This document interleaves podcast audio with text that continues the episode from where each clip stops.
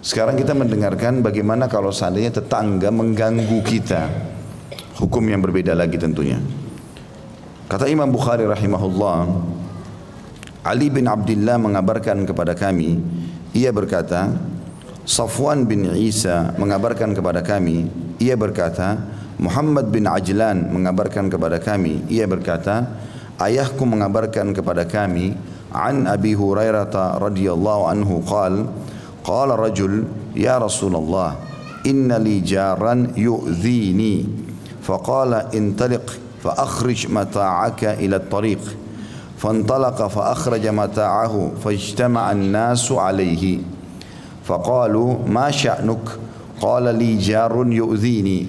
فذكرت للنبي صلى الله عليه وسلم فقال انطلق فأخرج متاعك إلى الطريق. فجعلوا يقولون اللهم الأنه. اللهم أخزه فبلغه فأتاه فقال ارجع إلى منزلك والله لا أوذيك Hadis ini nomor 124 dan hadis yang masuk dalam bab nomor 68 masalah keluhan tetangga. Dari Abu Hurairah radhiyallahu anhu beliau berkata, seseorang berkata kepada Rasulullah sallallahu alaihi wasallam, "Wahai Rasulullah, aku mempunyai tetangga yang menggangguku." Maka Rasulullah SAW berkata kepadanya, "Pulanglah dan keluarkanlah barang milikmu ke jalan." Maksudnya di hadapan rumah. Orang itu lalu pulang dan mengeluarkan barang miliknya ke jalan. Maka orang-orang berkumpul padanya dan bertanya. Setiap orang lewat bertanya, kenapa kau keluarin barang-barangmu nih? Lalu orang itu menjawab, tetanggaku menggangguku. Lalu ku ceritakan kepada Rasulullah SAW dan beliau bersabda, pulanglah dan keluarkanlah barang milikmu. Orang-orang lalu berkata, Ya Allah, laknatlah dia, maksudnya tetangganya. Ya Allah, Ya Allah, hinah, hinah atau hinahkanlah dia ya. Atau hinalah dia. Rupanya hal itu sampai pada tetangganya yang menyakitkan atau menyakiti tadi maka berangkatlah tetangganya menemuinya dan berkata, kembalilah ke rumahmu. Demi Allah aku tidak akan mengganggumu lagi.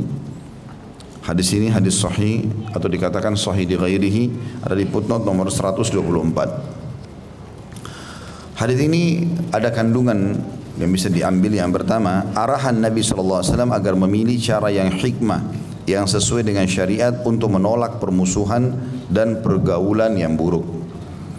Dan ada riwayat lain yang menjelaskan, rupanya sahabat ini bilang, ya Rasulullah, ada tetangga suka ganggu aku. Sudah aku nasihati jangan ganggu, tetap aja dilakukan dan berulang-ulang. Maka barulah Nabi SAW mengatakan, kalau begitu kamu sudah sampaikan dia tetap tidak mau, keluarkan sebagian barang-barangmu. Ya kalau kita mungkin kayak sofa apalah ditaruh depan rumah gitu. Dan kalau ada orang lewat bertanya, katakan tetanggaku menggangguku. Maka pada saat tetangga-tangganya lewat pun akhirnya tetangga-tangganya pada menghardik ya tetangga tadi yang mengganggu itu. Melihat kejadian tersebut maka dia pun meminta maaf dan akhirnya mengatakan kembalikanlah barang-barangmu. Aku demi Allah tidak akan ganggu kau mulai hari ini. Itu riwayat yang lain yang serupa dengan ini. Berarti memang di sini hikmah yang paling baik adalah kita tidak usah balas keburukan orang dengan keburukan. Walaupun tidak dirincikan seperti apa gangguan tetangga itu ya. Dalam riwayat ini global saja datangnya. Tetapi karena sudah sangat mengganggu dan dinasihati tidak mau dengar, maka akhirnya Nabi SAW perintahkan pola seperti ini. Tapi jangan juga Bapak Ibu sekalian baru sekali diganggu langsung demo, keluarin semua sofa, meja makan, supaya datang ya orang-orang untuk menghardik dan menyalahkan tetangganya. Ini keliru. Ya, tapi kita nasihatin, tanya kenapa. Misal kita mau keluar rumah, Ternyata di depan pagar dia parkir mobil. Jangan langsung marah, tanya dulu kenapa. Kita tanya, ada apa? Mungkin memang dia tidak sengaja. Carikan seribu alasan kebaikan. Saya pernah jelaskan itu ya, ada dua orang sahabat lagi janjian, ternyata yang satu si A sama si B, si A, si B terlambat, si A gelisah. Nabi SAW tanya, kenapa kau? Dia bilang, teman saya janjian ya Rasulullah, tapi nggak muncul. Kata Nabi SAW, iltamis li akhika udra. Cari alasan tepat untuk saudaramu. Carikan seribu alasan dulu teman-teman sekalian. Kalau kita sudah nggak temukan alasan yang benar, berarti dia salah. Mungkin orang tidak sengaja, mungkin dia buru-buru, mungkin mungkin memang lagi ada tamunya, ya mungkin segala macam hal. Kalau kita bilang dia tidak izin, mungkin dia sudah sampaikan ke RT. Banyak alasan yang bisa kita carikan. Daripada kita langsung bersangka buruk. ya. Makanya kata Nabi SAW, jauhilah prasangka buruk itu, karena dia sedusta-dusta pernyataan. Jangan langsung mulai dengan sangka buruk. Gitu. Dan kita sekarang Alhamdulillah juga di Indonesia ada RT, sampaikan kepada Pak RT, nanti Pak RT yang datang, nasihatin. Ini tetangga saya suka putar musik besar sekali, sehingga mengganggu. Saya mau ngaji nggak bisa. Mau ini nggak bisa gitu, terganggu. Anak saya punya anak bayi. Udah kita datang, maaf ya Bu, Pak, tolong musiknya jangan besar-besar, ini mengganggu anak bayi saya. Dia nggak mau tahu. Ya udah kita sampaikan ke Pak RT. Kalau Pak RT juga ternyata tidak peduli atau apa saja, nah barulah kita keluarkan barang-barang di pinggir jalan. Gitu kan. Seperti itulah. Jadi jangan ini langkah terakhir, jangan ini langkah pertama ya. Jelas nggak ini? Sudah pakai bahasa Indonesia ini. Ya nanti sebentar terganggu sama tetangga langsung demo keluarin semua barang. Dan juga di sini barang-barang yang dimaksud kata sebagian ulama hadis adalah barang-barang yang memang barang itu menunjukkan memang sesuatu yang menarik perhatian orang seperti tempat duduk ya, lemari atau apa yang seperti itulah mungkin hanya membuat orang bertanya-tanya. Tapi dihindari sesuatu yang malah membuat aib kita terbuka seperti nggak boleh taruh pakaian ya. Apalagi pakaian dalam maaf. Hmm. Mungkin dia mau tunjukkan demonya, maka menunjukkan itu maka tidak boleh. Ya, jadi ini juga ada adab-adabnya. Yang kedua, yang bisa diambil kandungan hadis, pengaruh cara yang baik dan siasat yang jeli lebih terasa dalam jiwa. Ya maksudnya cara tadi seperti ini, dia nggak datang hardik marah-marah dengan tetangganya enggak. Tapi rupanya cara Nabi SAW ini supaya orang ini rupanya kalau dinasihatin satu orang nggak bisa maka harus rame-rame. Akhirnya dia menggunakan cara tadi dan ini akhirnya lebih berbekas karena orang itu hanya jadi takut, gitu kan. Orang itu jadi takut. Dan yang ketiga, pergaulan yang buruk terhadap tetangga adalah sesuatu yang tidak dapat diterima oleh orang-orang yang berakal dan terhormat. Kalau ada orang dasarnya suka mengganggu, memang sudah fitrah, pasti orang nggak suka. Ya. Ada saya tambahkan sini kandungan hadis teman-teman. Dalam hadis ini disebutkan tetangga-tetangganya yang lain pada mengatakan Allahumma al'anhu, Allahumma akhzihi. Ini doa berat ya. Ya Allah laknatlah dia, ya Allah hinahkanlah dia. Ini doa berat sebenarnya. Ada sebuah hukum yang harus kita tahu di sini teman-teman. Kalimat laknat atau terkutuklah kita bahasa Indonesia biasanya. Laknat itu seperti diangkat berkah hidupnya. Ini enggak boleh sembarangan diucapkan ya. Karena sebuah hadis yang berbunyi tidak ada seseorang yang mengucapkan laknat kepada orang lain kecuali laknat itu akan kembali kepada salah satu dari keduanya. Kalau orang yang sedang dilaknat itu berhak dapat itu karena perbuatan-perbuatannya, maka datanglah kepada dia. Kalau tidak, kembali kepada pengucapnya. Mirip juga dengan hadis ini tentang masalah penisbatan kekufuran kepada seseorang. Misal orang bilang, kamu kafir maka kalimat itu akan kembali kepada salah satunya. Kalau yang orang ditajikan target memang kafir, maka sampai kepada dia kalimat itu. Kalau tidak kembali kepada pengucapnya. Oleh karena itu teman-teman harus hati-hati dengan lisan kita. Ya. Dan ada juga sebuah hadis yang sahih kata Nabi SAW tidak ada seseorang yang mendoakan orang lain kecuali di atas kepalanya malaikat akan mengatakan wala kamithluhu wala kamithluhu. Kau akan dapat yang sama, kau akan dapat yang sama. Jadi daripada kita doakan keburukan, misalnya kita bilang tentang kita mengganggu, ya Allah berikan dia hidayah, misal, kan gitu, hilangkan gangguannya, ya, berikan dia petunjuk, ya. kirimkan orang yang bisa mengingatkan dia misalnya, itu jauh lebih baik dibandingkan kita bilang misalnya celakakan dia ya Allah, ya buat dia tabrakan lah, apalah rubuh rumahnya, nah itu jauh lebih baik karena kalau misalnya kita kan tidak tahu juga 100% kita yang salah kita yang salah 100% atau dia yang salah atau mungkin ada juga andil kita di situ. Kalau kita punya andil di sikap tetangga itu, maka akhirnya doa yang kita lemparkan ke dia terbagi antara kita sama dia. Jadi seakan-akan kita juga doakan kutukan buat diri kita sendiri. Ya. Karena mungkin kita tidak sadar atau kita sadari dulu kita pernah parkir sembarangan depan rumah dia. Dia mungkin tidak faham agama, dibalaslah perbuatan yang sama. Lalu kemudian kita main laknat saja, maka berarti kembali kepada dua-duanya. Ya. Maka harus hati-hati dengan lisan kita ini. Dan orang beriman teman-teman lisannya kalau mengucapkan sesuatu hanya emas saja. Enggak nyakitin orang, enggak menghina, yang ada kalimat baik. Zikrullah, doa, ya, nasihat, tanya kabar, sesuatu yang baik-baik. Tidak ada kalimat-kalimat kotor, jorok, apalah segala macam menghina orang lain tidak ada. Walaupun dianya dicaci maki. Nah, dalam Islam tidak boleh kita balas keburukan dengan keburukan. Jangan orang bodoh kita juga ikut-ikutan bodoh ini. Orang itu kalau tidak ada akhlak, tidak ada kemuliaan dalam jiwanya, apalagi tidak ada iman, maka dia kata-katanya selalu kata-kata yang tidak masuk di akal. Orang normal nggak masuk.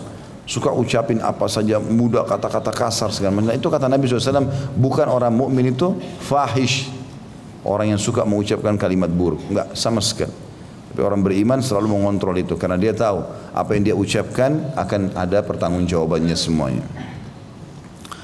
Kemudian juga sama Allahumma akhzihi atau hinakanlah dia.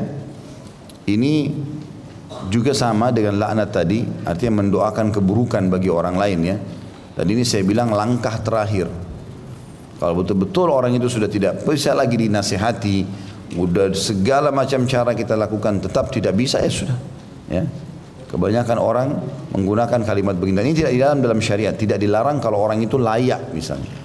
Misal ada preman suka mengganggu di satu jalan. Tiap orang lewat diganggu sama dia. Udah dinasehati nggak mau dengar, udah dilaporin pernah di penjara keluar buat masalah lagi. Terus saja begitu. Maka kalau ada orang melaknatnya itu adalah normal-normal saja kalau memang sudah sampai pada tingkat dinasehati, diluruskan, nggak pernah mau. Tapi kalau sebelum dinasehatin teman-teman jangan. Nasehatin. Jadikan semua orang yang belum faham agama di depan mata kita atau masih melakukan pelanggaran agama target dakwah. Bagaimana orang ini bisa dapat hidayah berubah sehingga menjadi amal soleh kita. Bayangkan teman-teman kalau semua orang sudah baik, kita dapat pahala dari mana?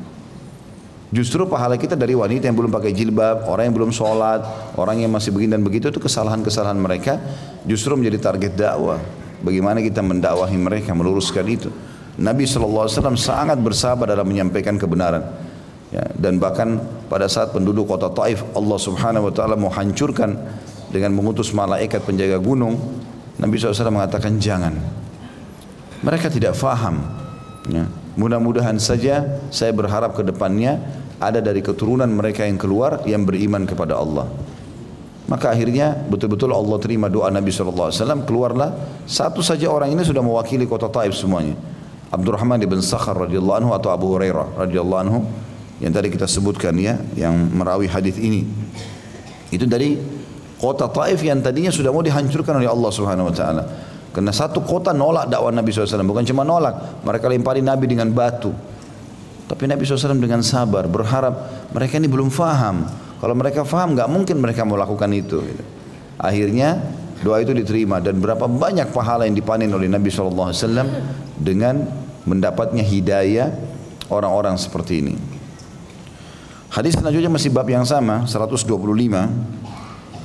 Imam Bukhari rahimahullah berkata, Ali bin Hakim Al-Audi mengabarkan kepada kami, ia berkata, Syarik mengabarkan kepada kami dari Abu Umar An Abi Juhaifah radhiyallahu anhu qal syaka rajulun ila an-nabi sallallahu alaihi wasallam jarah faqala ihmil mata'aka fadha'hu ala at-tariq faman marra bihi yal'anhu faja'ala kullu man marra bihi yal'anhu فجاء إلى النبي صلى الله عليه وسلم فقال ما لكيت من الناس فقال إن لعنة الله فوق لعنتهم ثم قال للذي شكى كفيت أو نحوه Dari Abu Juhaifa radhiyallahu anhu, ia berkata dan saya sudah sering ingatkan ya, kalau kita sebutkan nama sahabat walaupun buku kita tidak tulis radhiyallahu anhu, kita ucapkan itu. Maka teman-teman yang pegang buku, pasti kalau sebut nama sahabat saya tambahkan dengan radhiyallahu anhu. Ini menjalankan perintah Allah Subhanahu wa taala ya. Allah sendiri mengatakan tentang para sahabat, "A'udzubillahi minasyaitonir rajim radhiyallahu anhum wa radu'an." Allah ridha kepada mereka, mereka pun ridha kepada Allah. Abu Juhaifa sahabat Nabi. Maka kita mengatakan radhiyallahu anhu. Ia berkata, seseorang mengadu kepada Rasulullah SAW mengenai tetangganya.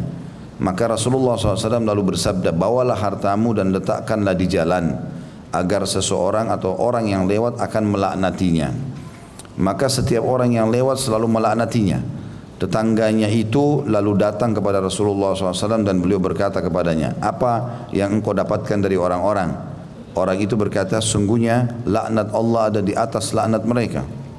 Lalu ia berkata, atau dia berkata kepada orang yang mengadu tadi, sudah cukup bagimu, atau kata-kata senada lainnya. Dan hadis ini mirip dengan hadis sebelumnya, memiliki kandungan makna, tapi berbeda sedikit lafaz saja. Kalau di sini Nabi SAW mengatakan keluarkan hartamu. Ya, harta masuk dalamnya apa pun yang bisa kamu gunakan masuk dalam harta. Tentu di sini mungkin tidak masuk dalamnya uang dan segala macam, tapi benda-benda yang tadi saya bilang bisa mengusik orang jadi bertanya, kayak sofa, kayak apa namanya e, tadi lemari, ya, tempat tidur yang orang jadi bertanya kenapa dikeluarkan nih, gitu. Maka seperti itulah dan bukan di sini dimaksud harta adalah uang.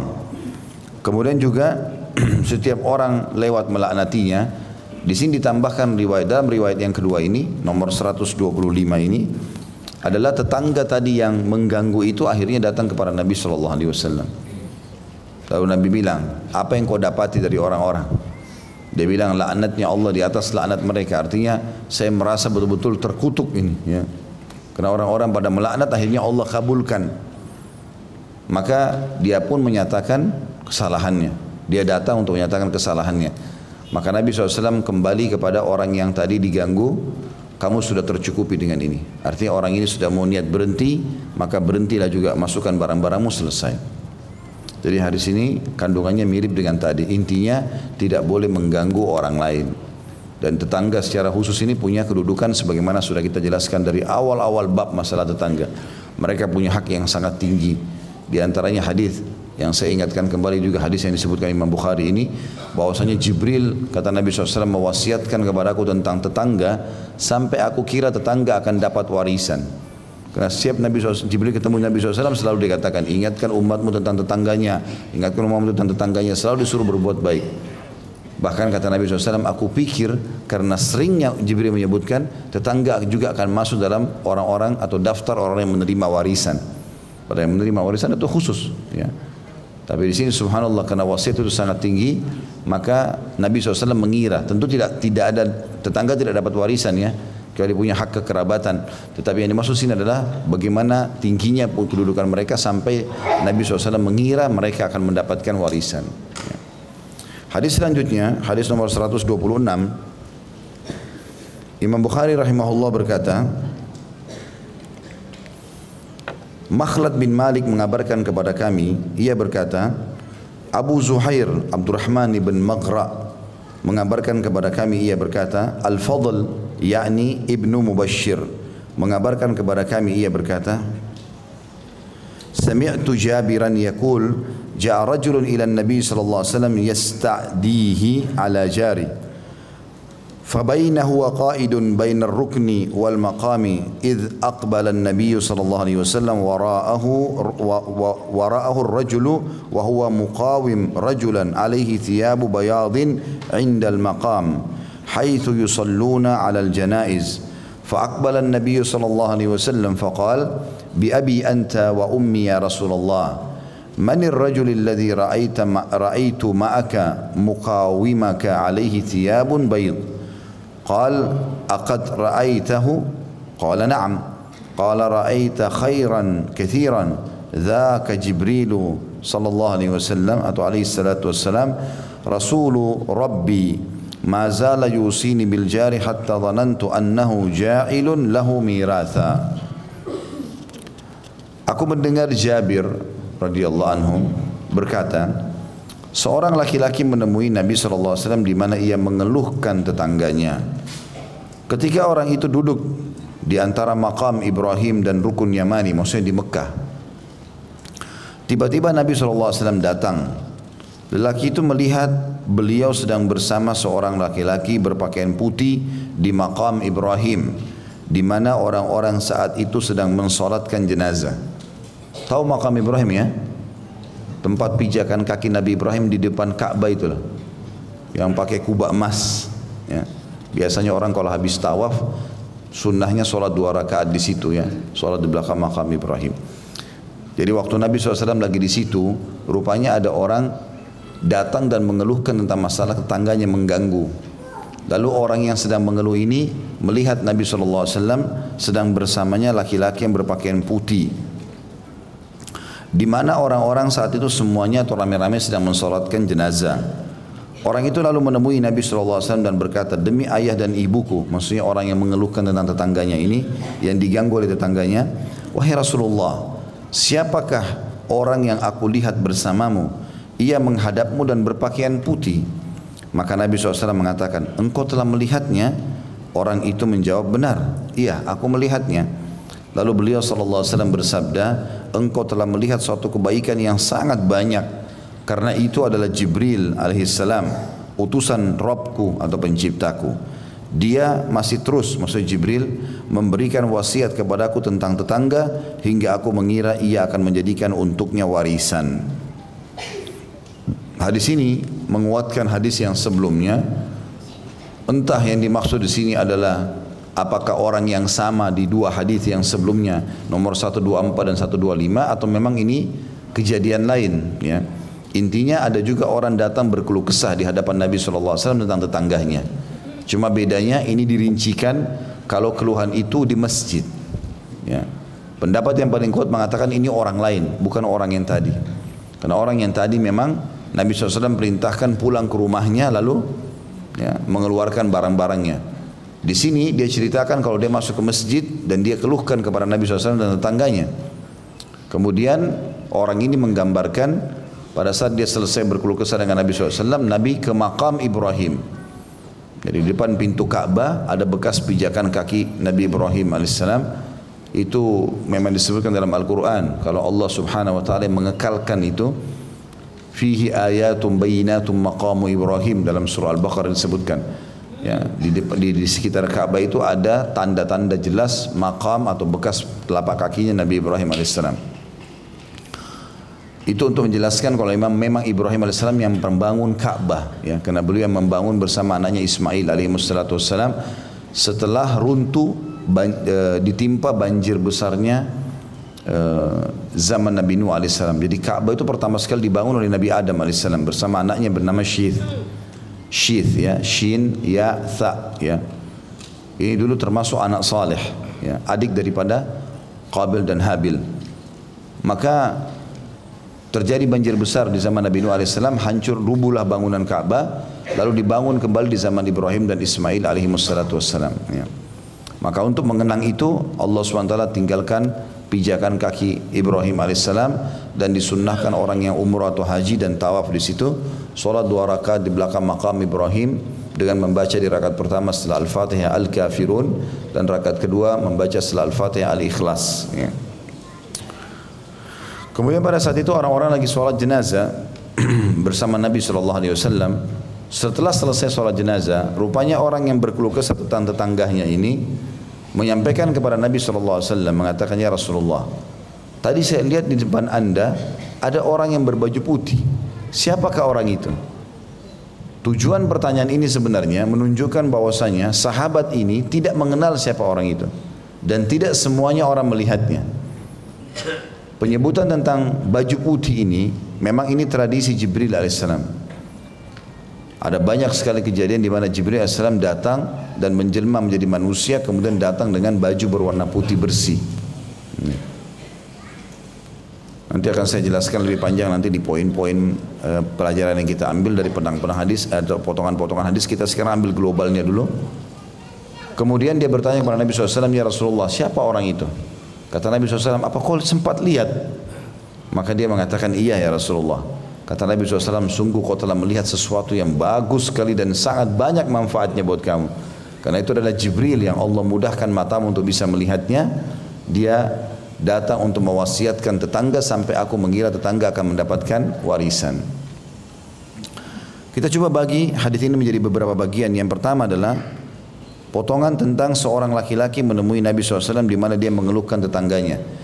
Ini sengaja saya akhirkan poin-poin ini karena tiga hadis ini mirip semuanya.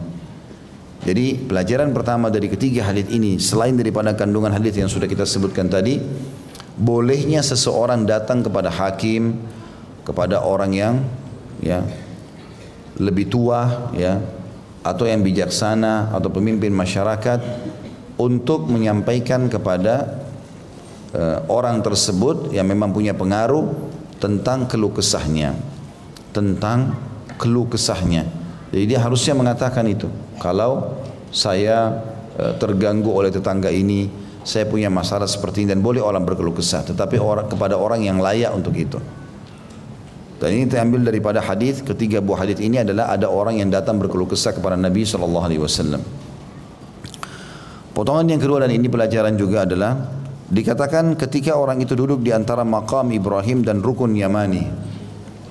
Ya, kalau kita uh, ibaratkan ini cuma ibaratkan saja uh, tempat ini alat ini adalah Ka'bah maka uh, di sini ada kalau ini Hajar Aswad ya pintu Ka'bah di depannya ada makam Ibrahim. Rukun Yamani adalah yang sebelum Hajar Aswad. Jadi kalau ini sudut Ka'bah, ini adalah sudut yang ada Hajar Aswad. Sudut yang sebelumnya namanya Rukun Yamani. Rukun artinya sudut. Yamani maksudnya mengarah ke negeri Yaman. Ya. Biasanya kita kalau umroh atau lagi tawaf, ya, atau haji, pokoknya tawaf lah intinya, antara rukun Yamani sama Hajar Aswad kita sunnahnya baca Rabbana atina fid dunya hasanah wa fil akhirati hasanah wa qina adzabannar wa adkhilnal jannata ma'al abrar ya azughafar ya rabbal alamin ini kita baca. Nah, yang dimaksud sini sahabat ini sedang duduk antara rukun Yamani dengan makam Ibrahim. Jadi di antara lokasi ini dia duduk. Di antara lokasi ini dia duduk, ya.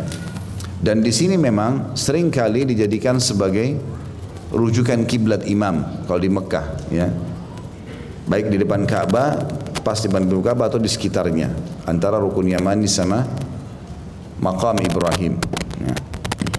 Itu yang difahami dari kalimat ketika orang itu duduk di antara makam Ibrahim dan rukun Yamani dan rukun Yamani ini juga sunnahnya kalau lagi tahu Bapak Ibu sekalian diusap ya kalau hajar aswad dicium kalau rukun Yamani diusap tetapi kalau Bapak Ibu lagi ihram jangan disentuh karena ada minyak wanginya. Ya. Orang kan kalau lagi pakai ihram nggak boleh pakai wangi-wangian. Ya. Makanya kalau saya bimbing umroh atau bimbing haji, pokoknya lagi tawaf intinya saya ingatkan jemaah jangan sentuh rukun yamani kena ada minyak wanginya. Kalau nanti tawaf sendiri setelah umroh udah mandi segala macam pakai baju biasa lalu kita tawaf maka pada saat itu nggak ada masalah mengusapnya nggak ada masalah ya. Terus dikatakan tiba-tiba Nabi SAW datang. Dari potongan ini juga diambil pelajaran bahwa ternyata orang ini datang di masjid dan ingin mencari Nabi SAW dan Nabi belum ada. Karena dia tahu Nabi akan datang, maka dia pun akhirnya ada di situ. Dia pun ada di situ. Ya. Dan ini kata sebagian ulama hadis, hadis ini kemungkinan besar terjadi setelah pembebasan kota Mekah. Karena sebelum pembebasan kota Mekah, dulu umat Islam tidak leluasa untuk mengerjakan ibadah. Bahkan masih banyak patung, ya. Umat Islam kalau mau ibadah, tawaf aja sering kadang-kadang digebukin gitu. Tapi riwayat ini menjelaskan kalau umat Islam lagi sholat jenazah. Berarti ini nggak mungkin kecuali setelah fase pembebasan kota Mekah. Jadi di akhir-akhir hidup Nabi Alaihissalam ya, di akhir tahun 8 Hijriah, barulah terjadi kejadian ini. Kemudian dikatakan potongan selanjutnya juga lelaki itu melihat beliau, maksudnya melihat Nabi SAW sedang bersama seorang laki-laki berpakaian putih di makam Ibrahim di mana orang-orang semua sedang mengaksanakan sholat jenazah. Ya. Di sini kita perlu titik beratkan bahwasanya ada memang sebagian sahabat yang Allah mudahkan mereka untuk melihat malaikat datang. Contoh yang lain adalah selain sahabat ini walaupun di sini tidak disebutkan nama dia. Contoh yang lain Usaid bin Khudair radhiyallahu anhu, seorang pimpinan dari Ansar Madinah. Beliau pernah kepanasan di malam hari, kemudian beliau keluar di, dari ke halaman rumahnya untuk melanjutkan sholat malamnya sambil membaca Al-Quran. Ya. Sementara dia baca dengan suaranya yang merdu dan bagus, bacaannya benar, maka kudanya tiba-tiba berontak yang dia lagi ikat di pohon kurma di depan rumahnya. Dia balik ke arah kuda tersebut dengan memberhentikan bacanya, tiba-tiba kudanya nggak berontak. Dia cari sekitar kuda itu nggak ada yang mengganggu kuda ini. Terus dia kembali baca, berontak lagi kudanya. Begitu terus sampai tiga kali. Lalu kata Usaid radhiyallahu anhu, aku pun mengangkat kepalaku ke langit dan aku melihat ada beberapa cahaya putih menembus langit. Sebuah riwayat mengatakan aku melihat tiga cahaya menembus langit. Maka aku pun lalu melaporkan kepada Nabi SAW. Langsung dia segera ke masjid laporkan Nabi, Ya Rasulullah, ini di Madinah terjadi. Ya Rasulullah, ya sungguhnya aku sempat melihat begini dan begitu. Maka kata Nabi SAW, Wahai Usaid, demi zat yang jiwaku dalam genggamai, maksudnya demi Allah, andai saja kau lanjutkan bacaanmu sampai pagi hari, terbit matahari, orang sudah mulai beraktivitas, maka masyarakat Madinah akan melihat malaikat yang datang mendengarkan bacaanmu. Jadi ada malaikat-malaikat yang datang. Ada juga sahabat yang lain. Kalau saya tidak salah namanya Imran bin Husain radhiyallahu anhu, itu yang sering kali mendengarkan salam, tapi nggak ada orangnya. Dia nggak tahu dari mana salam itu. Setiap kali dia mau ke masjid, maka dia lapor kepada Nabi SAW, kata Nabi SAW itu malaikat yang mengucapkan salam kepadamu. Ya. Juga ada sahabat-sahabat yang menyaksikan seperti Jibril datang alaihissalam pada saat mengajarkan hadis tentang Islam, iman dan ihsan. Kata Umar bin Khattab, lalu aku melihat atau kami pada saat lagi duduk bersama Nabi SAW tiba-tiba ada orang masuk masjid rambutnya tersisir rapi, bajunya bersih, wajahnya tampan dan tidak ada yang mengenalnya di antara kami. Juga tidak ada tanda-tanda safar. Karena orang di zaman dulu teman-teman nggak kita sekarang. Kita kan punya mobil, udah ada AC, maka orang keluar rumah nggak keringatan, turun juga dari mobil sama. Tetap rapi aja. Tapi kalau zaman dulu orang pakai kuda, jalan kaki, padang pasir, ada saja debu. Tapi orang ini masuk masjid unik, masuk bajunya bersih, putih, rambutnya tersisir rapi, nggak ada tanda-tanda safar, maksudnya nggak ada bekas-bekas debunya. Tidak ada yang kenal juga. Tiba-tiba letakkan lututnya di lutut Nabi SAW. Lalu mengatakan, Hai Muhammad, beritahukan, beritahukan kepada aku apa itu Islam. Maka Nabi SAW mengatakan Islam adalah engkau mengucapkan dua kalimat syahadat. Syahadu la ilallah wa Muhammad Rasulullah. Lalu engkau dirikan solat. Lalu engkau keluarkan zakat, tunaikan zakat. Lalu engkau puasa Ramadan. Lalu kemudian engkau haji bila kau mampu. Orang itu mengatakan engkau benar. Maka Umar bin Khattab berkata, kami heran dengan orang ini. Dia bertanya, dia membenarkan. Hmm. Biasanya orang kalau bertanya pasti dia terima informasi. Kalau dia bilang engkau benar. Umar sudah mulai bertanya-tanya pada saat itu. Lalu orang itu mengatakan, beritahukan kepadaku hai Muhammad tentang apa itu iman. Maka Nabi SAW mengatakan iman itu adalah engkau beriman tentang keberadaan Allah, malaikat-malaikatnya, kitab-kitabnya, rasul-rasulnya, hari kiamat dan takdir baik dan takdir buruk. Kalau orang itu mengatakan lagi engkau benar, Lalu kata Umar kami heran lagi dengan orang ini. Kenapa dia mengatakan dia bertanya dia mengatakan benar. Lalu orang itu berkata lagi, Hai Muhammad beritahukan kepadaku tentang apa itu ihsan. Tingkat tertinggi di atasnya keimanan. Maka Nabi SAW mengatakan ihsan adalah engkau menyembah Allah seakan-akan engkau melihatnya. Kalau engkau tidak melihatnya, maka yakinlah dia melihatmu. Kata orang itu engkau benar. Lalu kemudian Umar mengatakan kami heran melihat orang ini. Dia bertanya lalu kemudian dia membenarkan. Lalu orang itu berkata lagi, Hai Muhammad, beritahukan kepadaku kapan kiamat itu terjadi. Kata Nabi SAW, yang sedang bertanya dan yang sedang ditanya tidak sama-sama tahu. Ini kalimat santun ya. Artinya kamu sama saya sama-sama nggak tahu masalah itu. Tapi dia dengan kalimat santun sekali kata Nabi SAW yang bertanya dan yang ditanya sama-sama nggak tahu. Maka orang itu mengatakan kalau begitu sampaikan kepadaku tentang tanda-tandanya kiamat itu. Maka kata Nabi SAW, nanti akan ada seorang budak melahirkan tuannya sendiri. Jadi budak wanita, kalau ada budak yang tertawan kemudian diperjualbelikan di pasar, zaman dulu ini ada, sekarang alhamdulillah nggak ada, tapi zaman dulu ada. Kalaupun ada budak-budak ini diperjualbelikan, lalu kemudian dibeli oleh seorang laki-laki, lalu kemudian dia menggauli si perempuan tadi, lalu hamil, maka lahirlah anak dari rahimnya nanti anak tuannya ini si laki-laki. Bukan bukan bukan orang bebas, bukan dia bukan orang yang bebas, tapi dia seorang budak. Maka budak melahirkan tuannya sendiri. Jadi anaknya itu tuannya juga gitu. Karena anak tuannya laki-laki tadi. Dan engkau akan melihat para pengembala-pengembala kambing ya, mereka akan berlomba-lomba membangun building-building yang besar, bangunan-bangunan besar ya di tengah-tengah kota. Dan ini sebagian ulama mengatakan hadis ini sudah terbukti. Ya. Seperti misalnya terjadi di Timur Tengah terutama apalagi di Imarat Arab ya semua itu umumnya Emirat Arab, Qatar, ya, Bahrain. Ini dulu semuanya padang pasir. Saya baca historinya raja-raja Emirat Arab itu mengatakan di antara mereka mengatakan sekitar 40 atau 50 tahun yang lalu rumah kami masih di padang pasir Dan saya masih tahu ayah saya mengembala kambing. Sekarang mereka pemilik building-building yang di dunia pun tidak ada. Maka orang itu pun ya, pamit lalu pergi. Lalu Nabi SAW panggil Umar mengatakan, Hai Umar, apa kau tahu siapa tadi orang itu? Kata Umar, tidak ya Rasulullah. Kata Nabi SAW itu adalah Jibril yang datang ya, yang menyampaikan atau mengajarkan tentang agama kalian. Jadi Jibril datang menjelma menjadi manusia gitu. Tapi belum pernah ada yang melihat poster Jibril yang asli kecuali Nabi Shallallahu Alaihi Wasallam. Karena kalau kita pun melihatnya, mungkin kita tidak akan pernah bisa menahan itu. Tidak mampu lah ya.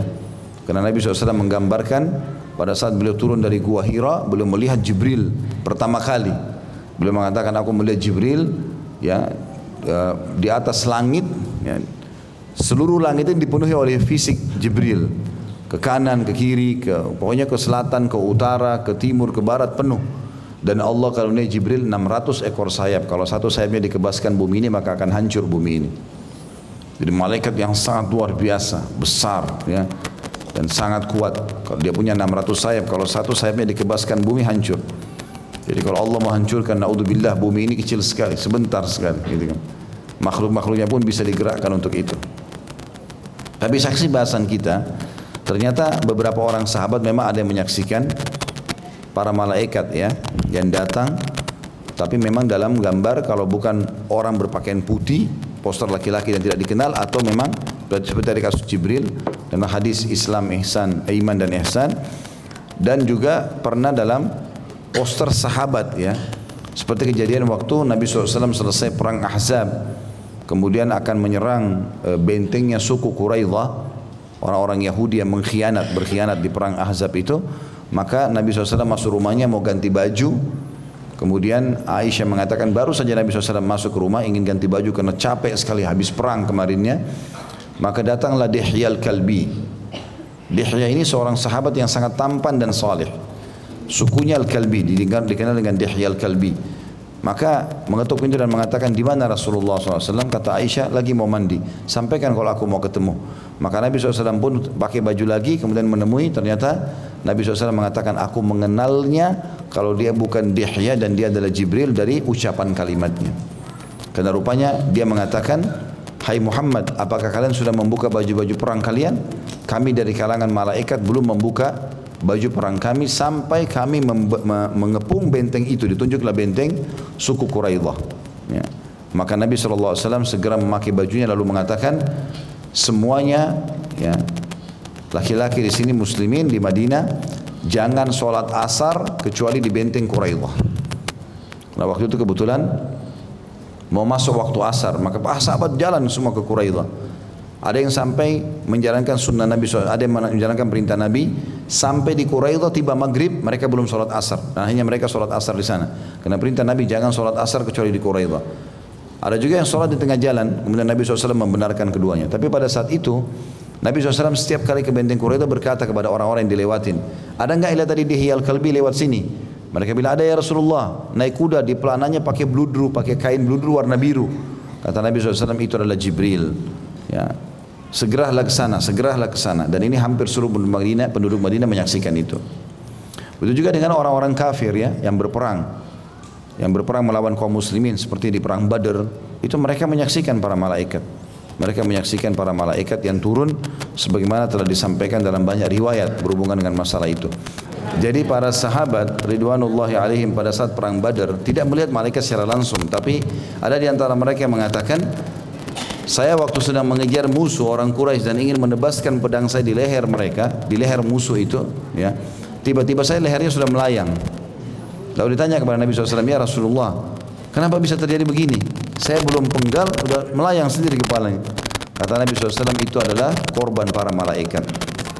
Bahkan setelah mengumpulkan jenazah-jenazah orang-orang kafir dan orang-orang beriman, yang orang beriman yang mati syahid dan orang kafir yang meninggal pada saat itu di perang Badar, kata Nabi SAW, mau nggak lihat bedanya korban kalian dengan korban para malaikat kata para sahabat tentu ya Rasulullah. Kata Nabi SAW kalau kalian temukan jari-jari yang terputus dari musuh dan ada luka bakarnya serta leher mereka terputus dan ada luka bakar itu adalah korban para malaikat. Karena mereka membawa pedang yang ada apinya ya. Seperti itulah Berarti memang kehadiran-kehadiran malaikat ini ada dan saya sudah pernah juga tekankan teman-teman malaikat itu wajib kita imani. Karena rukun iman kita ada enam. Pertama iman keberadaan Allah sebagai pencipta lalu malaikat-malaikat dan malaikat ini jumlahnya banyak jauh lebih banyak daripada jumlah kita manusia dan memang mereka makhluk Allah yang dimuliakan.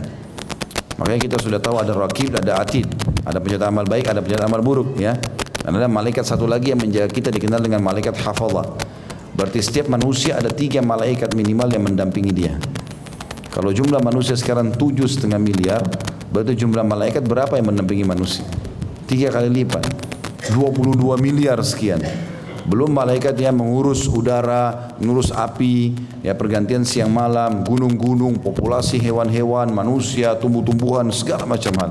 Ini semua ini mereka bertugas merapikan dan menjalankan semuanya. Ya. Jadi kalau ada orang yang ngarang-ngarang mengatakan, oh tanah ini ada penjaganya, oh rumah ini ada penjaganya, segala macam. Dan dia kini itu ada jin, itu nggak benar. Jin itu hanya penghuni bumi, sama dengan kita. Tapi yang mengurus semua ini, merawat semua ini adalah lembah inilah, gunung itulah, lautan itu adalah malaikat. Teman-teman bisa kembali ke surah 77 dan surah nomor 79. Di awal-awalnya itu menjelaskan tentang tugas-tugas malaikat itu. Dan kita bisa merasakan keberadaannya dengan bisikan di lubuk hati tentang kebaikan. Sebagaimana Nabi SAW mengatakan, sungguh malaikat membisikkan kebaikan di lubuk hati kalian, gitu kan? Di lubuk hati kalian. Maka setiap bisikan yang baik, misalnya sholatlah, bantulah, sedekahlah, apalah segala macam itu kebaikan maka dari malaikat. Nanti pendampingnya dari korin, dari syaitan yang membendung itu. Dalam hadis lain dikatakan kalau seseorang dari kalian terbangun di tengah malam maka pendamping dari malaikat akan mengatakan sholatlah. Biasa kita dibisikan tahajudlah segala macam. Kalau dia dengar dia bangun, alhamdulillah itu kebaikan. Tapi pendamping dari syaitan akan mengatakan tidurlah malam masih panjang. Yang mana biasa diikuti? Hmm? Tidur. Berarti sahibnya syaitan. Temannya syaitan. Ya. Baik potongan selanjutnya Dikatakan di mana orang-orang saat itu sedang sholat sholat jenazah. Sholat jenazah dikerjakan empat, empat kali takbir. Tanpa ruku, tanpa sujud, tanpa itidal. Berdiri saja menghadap kiblat takbir empat kali. Mengikuti imam. Ya. Jadi imam mengatakan Allahu Akbar, kita juga Allah Akbar. Eh, takbir pertama baca Al-Fatihah tanpa iftitah, tanpa surah. Al-Fatihah saja. Takbir yang kedua membaca salawat kepada Nabi SAW, salawat Ibrahim yang kita baca di tahiyat. Ya.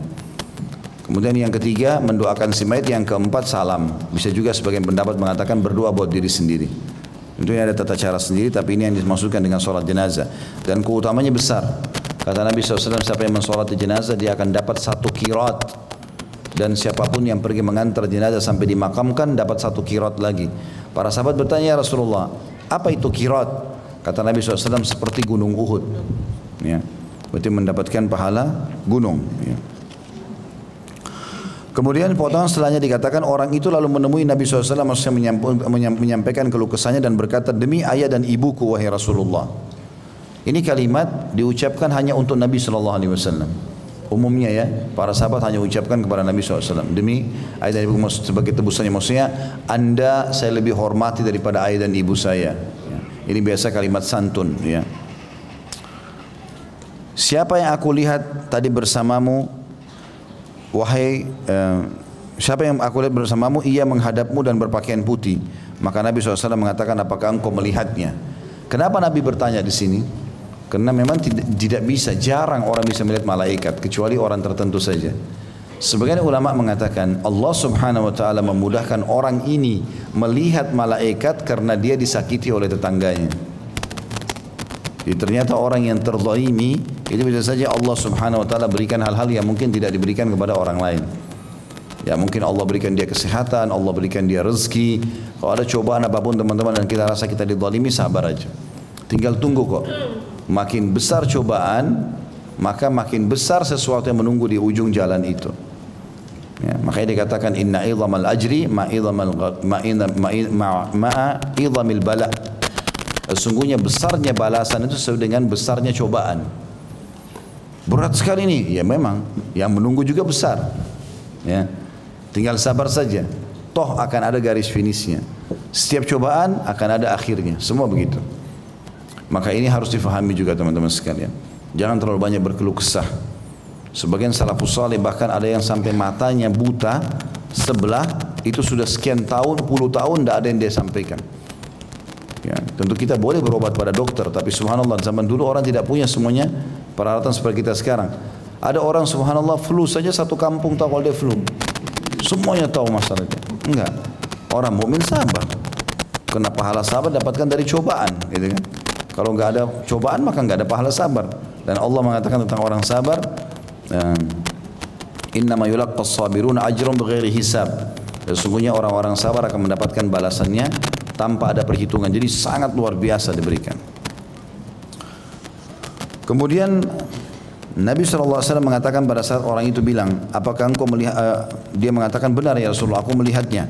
Maka Nabi SAW, engkau telah melihat suatu kebaikan yang sangat banyak. Kenapa kok melihat Jibril dianggap sebuah kebaikan yang banyak? Karena memang ini gaib bagi umumnya manusia. Berarti kalau ada orang yang Allah perlihatkan, itu kebaikan yang luar biasa. Karena akan menambah keyakinan dia. Akan menambah keyakinan dia. Dan ini yang dimaksud dengan kebaikan yang banyak. Ya. Kemudian yang terakhir, tentu di sini Nabi SAW mengatakan engkau terlihat, engkau, ter, engkau terlihat kebaikan yang sangat banyak dan ia adalah Jibril utusan Tuhanku. Jadi dia, Nabi SAW memperkenalkan waktu itu Jibril utusan Allah SWT. Potongan terakhir adalah dia terus memberikan wasiat kepadaku tentang tetangga hingga aku mengira ia akan menjadikan untuknya warisan. Ya artinya kalaupun sampai ya, tadi kau melihatnya sebenarnya Jibril itu sedang berbicara dengan aku dari pertama ketemu sampai dia berpisah dengan aku hanya wasiatkan tetangga. Ini tadi sudah kita singgung sedikit ya. Kalau seseorang itu uh, harus berbuat baik pada tetangganya karena tetangga diwasiatkan Jibril. Jadi wahyu dari langit langsung suruh semua umat Islam berbuat baik pada tetangganya berbuat baik pada tetangganya. Dan kita berbuat baik teman-teman tanpa berharap balasan. Sudah sering saya singgung dari awal. Bukan berarti kita memberi makanan pada tetangga lalu dikembalikan piring kosong kecewa. Enggak enggak usah. Enggak apa-apa. Kalau keluar lagi caci makinya tetangga enggak tahu diri. Berarti kalau kita begitu berharap balasan dari manusia, rugi sekali itu. Tidak, kalau orang berharap balasan dari Allah SWT tidak pada berharap balasan dari manusia. Kalau dia memberikan Alhamdulillah tidak juga tidak ada masalah. Dan kita tidak akan berhenti untuk berbuat kebaikan-kebaikan tersebut. Dan juga teman-teman harus poin penting juga ya. Kalau kita mau memberikan sesuatu pada tetangga, kita juga harus tahu ya. Artinya yang kita berikan itu sesuatu yang masuk akal lah. Walaupun sesuai dengan kemampuan kita. Artinya umum orang makan segala macam ya. Kalau kita yakin makanan-makanan itu mungkin bisa mendatangkan atau tidak umumnya orang makan, misal terlalu banyak minyaknya, atau memang makanan itu tidak umum, tidak semuanya orang makan. Mungkin makanan tradisi di kampung kita misalnya orang tidak semua tahu. Belum tentu juga rasanya nyaman, gitu kan? Maka ini kita harus pertimbangkan untuk diberikan. Tapi kalau buah-buahan umum orang semua makan, ya misalnya. Atau mungkin yang umum lah ya apa tempe kalau kita makanan-makanan yang gurih gorengan umum lah ya. Atau kita kirim ayam daging segala macam. Ini mungkin umum umum orang konsumsi. Tapi kalau tidak umum maka sebaiknya kita mengirim atau tidak mengirimnya kecuali sekali saja dan kita lihat responnya. Kalau dia responnya memang suka ya sudah. Nah jangan sampai kita kirim ternyata orang tidak suka numpuk-numpuk di rumahnya. Kita kirimin pagi, kirimin siang, kirimin malam, ternyata orang tidak suka. Ya. Nah iya, harus hati-hati karena tidak semua makanan orang suka. Gitu. Tapi tradisi juga Nabi SAW, beliau kalau tidak suka makanan, maka beliau tidak memaksakan. Atau beliau tidak menghinanya dan juga tidak memaksakan. Ini umumnya tidak disentuh sajalah, tapi tidak menghina makanan tersebut. Baik, selanjutnya bab 69 orang yang mengganggu tetangganya hingga keluar. Kita mau selesaikan ini ya. Karena sampai bab nomor 70 tetangga itu kalau tidak salah. Imam Bukhari rahimahullah berkata di nomor hadis 127 Isam bin Khalid mengabarkan kepada kami ia berkata Arta bin Al-Munzir mengabarkan kepada kami ia berkata Aku yakni Abu Amir Al-Himashi mendengar ia berkata kana Thauban radhiyallahu anhu yaqul ma min rajulaini yatasaramani fawqa thalathati ayyam fayahlaka ahaduhuma famata wa huma ala dhalika minal musarama illa halaka jami'a. Wa ma min jarin yadhlimu jarahu wa, yak, wa yakhirahu atau wa yakhiruhu hatta yahmilahu dhalika ala an yakhruja min manzilihi illa halak. Thauban radhiyallahu anhu Thauban ini sahabat Nabi yang tadinya mantan budaknya Nabi. Lalu Nabi SAW bebaskan. Makanya kalau dalam buku-buku yang atau riwayat-riwayat lain kalau kita temukan nama Thauban biasanya ditulis Maula Rasulullah sallallahu alaihi wasallam. Artinya budak yang Nabi bebaskan diistilahkan ada maulahnya.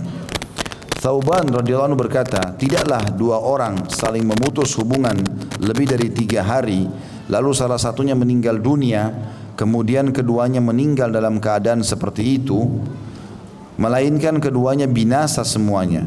Dan tidaklah seseorang yang menzalimi tetangganya dan menyakitinya hingga hal itu membuatnya keluar dari rumahnya, melainkan ia pasti binasa.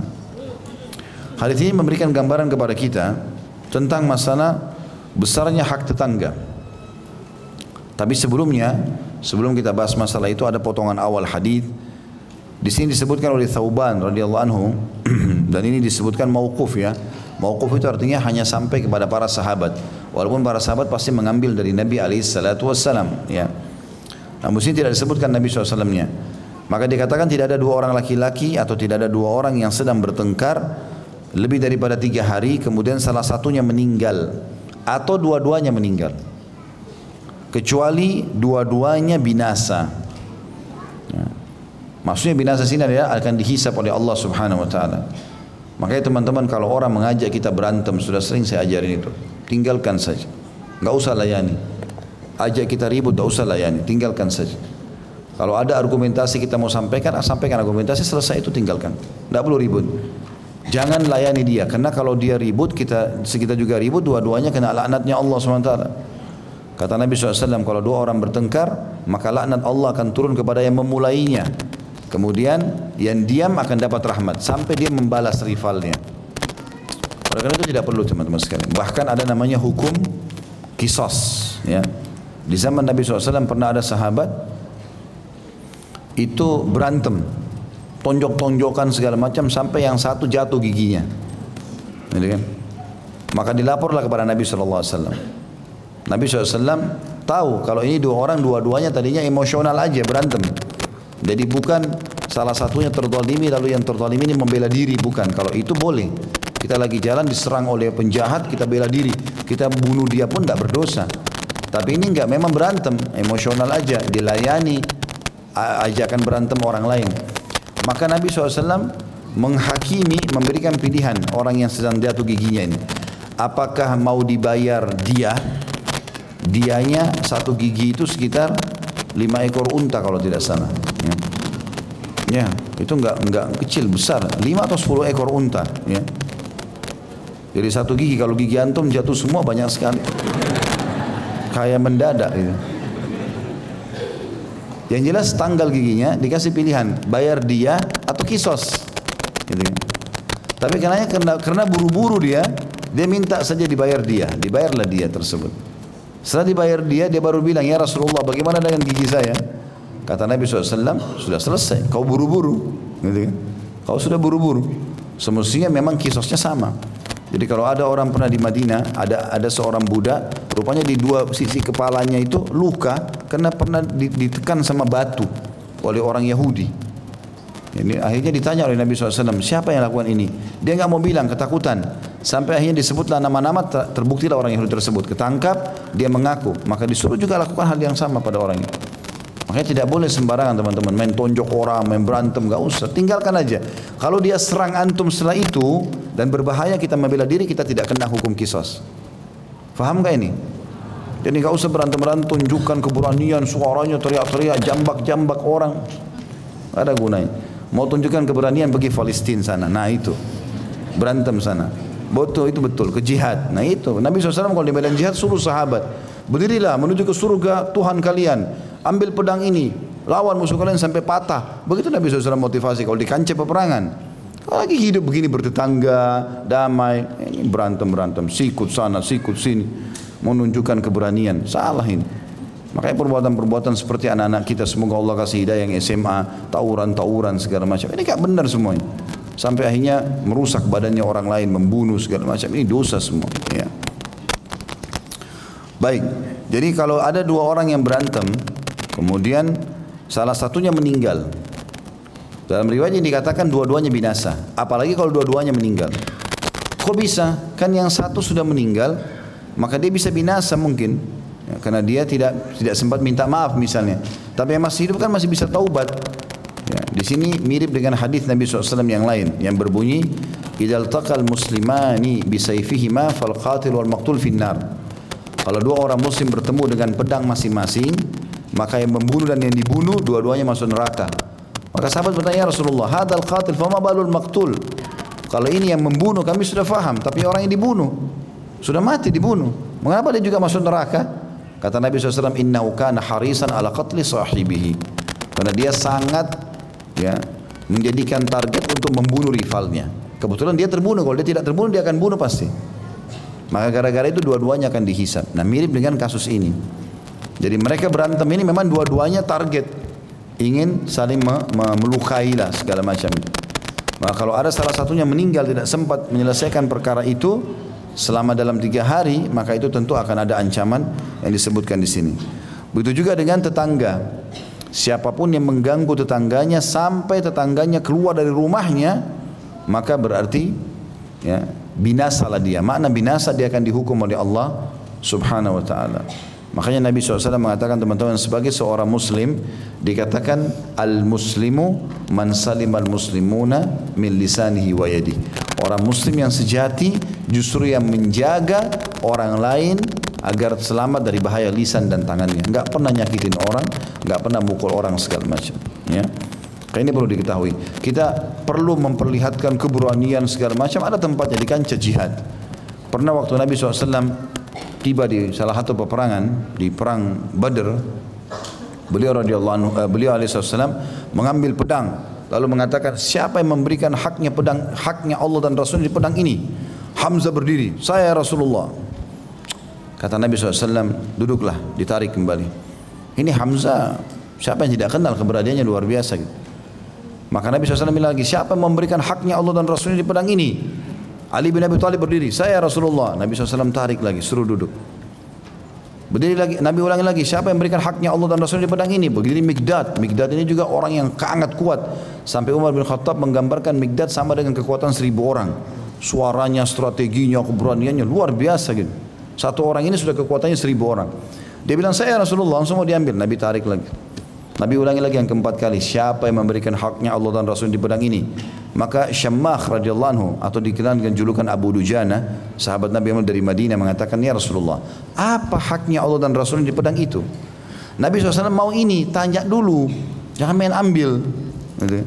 Maka Nabi SAW mengatakan, engkau mengambilnya, engkau hantamkan ke musuhmu sampai bengkok pedang ini. Dia mengatakan, saya kasih ya Rasulullah. Maka diambillah pedang tersebut. Nah waktu sudah diambil, Abu Dujana ganti imamahnya. Orang Arab dulu punya tradisi, kalau dia mau mati-matian melawan, dia pakai imamah merah. Biasanya orang pakai hitam atau putih, ini dia pakai warna merah. Lalu dia ambil pedang tersebut ditempelkan di dadanya, lalu dia jalan di depannya orang-orang Quraisy ini sambil seperti orang sombong gitu, nunjukin kehebatannya. Maka Nabi SAW melihat ke arahnya sambil mengatakan, ketahuilah, dibilang kepada sahabat yang lain, sikap seperti ini dimurkahi oleh Allah kecuali di tempat ini. Artinya di kancah jihad silahkan. Selain ini jangan. Bawa pedang, ajak tetangga berantem, pukul-pukul pagarnya. Di pasar, gulung baju, berantem, apa ya? Kadang-kadang di Indonesia yang lucu terjadi apa? Ini muslim, ini muslim, dua-dua takbir. Takbir apa? Masuk neraka. Lah iya kan itu terjadi waktu itu di Kalimantan kan ya? yang orang Madura sama orang apa berantem itu hari. Ini takbir, ini takbir. Takbir apa ini? Takbir itu di Palestina sana. Takbir di mana? Di tempat orang-orang kafir. Keliru ini, gitu kan? Tapi subhanallah banyak orang tidak faham. Ya. Maka harusnya hati-hati di sini teman-teman sekalian. Karena hukuman akan datang kepada keduanya. Kalau di kancah jihad berbeda. Maka jangan ajak berantem, jangan terima pemberanteman segala macam ini. Tinggalkan saja. Kandungan hadis yang pertama, anjuran agar menghilangkan sikap saling menjauhi dan menjauhkan diri dari permusuhan dan pemutusan hubungan. Jadi usahakan kita tidak punya musuh lah. Orang yang musuhi kita terserah. Kitanya nggak usah ikut-ikutan. Yang kedua, semangat Islam untuk menjaga persatuan dan keharmonisan bangunan masyarakat. Bagaimana Islam melarang tidak boleh ada orang berantem lebih dari tiga hari. Hmm. Dan ada juga hadis yang lain ya, kayak kita sekarang hari Kamis ini, kata Nabi SAW, setiap Senin dan Kamis Allah Subhanahu Wa Taala akan mengampuni setiap mukmin yang tidak menyekutukan Allah, ya, dan tidak punya masalah dengan saudaranya. Kalau ada orang punya keributan dengan seseorang, kalau dia dimusuhi terserah dia, tapi asal dia tidak ikut-ikutan.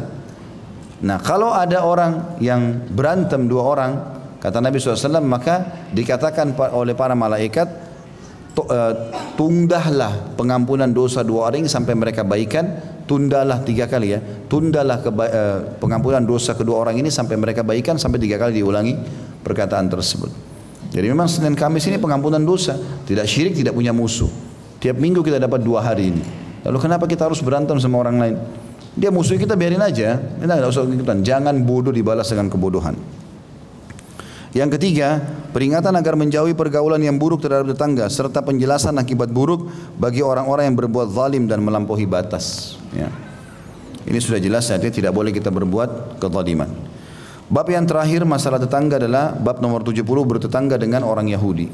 Hadis nomor 128 kata Imam Bukhari rahimahullah Abu Nuaim mengabarkan kepada kami ia berkata Bashir bin Sulaiman mengabarkan kepada kami an Mujahid qal كنت عند عبد الله بن عمرو وغلامه يسلخ شاة فقال يا غلام إذا فرقت فابدأ بجارنا اليهودية فقال رجل من القوم اليهودي أصلحك الله قال إني سمعت النبي صلى الله عليه وسلم يوصي بالجار حتى خشينا أو رأينا أنه سيورثه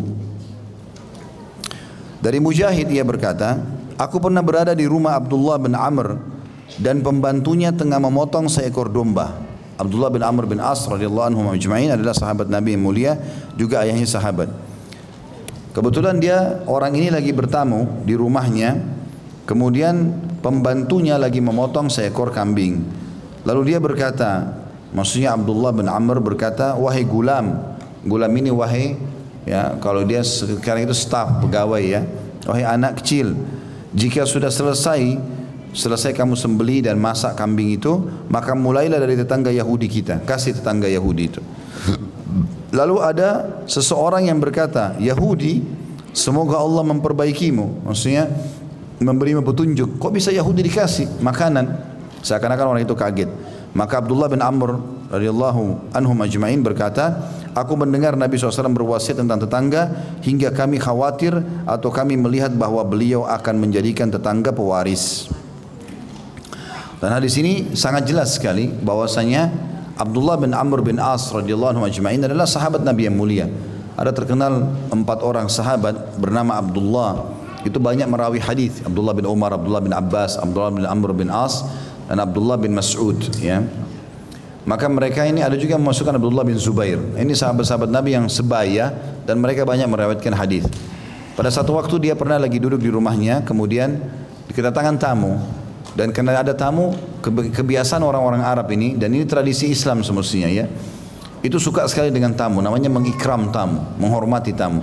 Kata Nabi SAW, siapa yang mengaku beriman pada Allah dan hari akhir, dia harus menghormati tamunya, mengikramnya, memberikan sesuatu yang terbaik. Maka dia suruh pegawainya atau pembantu di rumah potong kambing, disembelihlah kambing. Sementara lagi diproses, dipotong, dikuliti segala macam, maka Abdullah bin Amr radhiyallahu anhu berkata kepada pembantunya ini, kalau kau sudah selesai semuanya, udah potong, udah masak segala macam, yang paling pertama sebelum hidangkan buat kami, kasih tetangga kita orang Yahudi. Rupanya di antara tamu yang datang ada yang bilang, orang Yahudi, nanti kamu kasih makan orang Yahudi. Semoga Allah memperbaiki keadaanmu. Maksudnya seakan-akan salah kayaknya ini. Kok Yahudi dikasih makan gitu? Kata Abdullah bin Amr bin As, iya. Karena saya mendengar Nabi SAW mewasiatkan berulang-ulang tentang tetangga sampai aku mengira tetangga akan mendapatkan warisan. Hadis ini memberikan pelajaran tambahan dari hadis-hadis sebelumnya adalah tetangga walaupun orang kafir tetap haknya sama. Tetap kita berikan makanan, tetap kita tegur sapa, tetap semuanya haknya.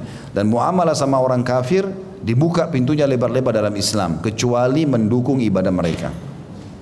Orang tua yang kafir, pernah kita jelaskan di awal-awal bab kita tentang masalah bakti sama orang tua, tetangga yang kafir, teman, partner bisnis, apa sajalah. Semua itu adalah haknya sama.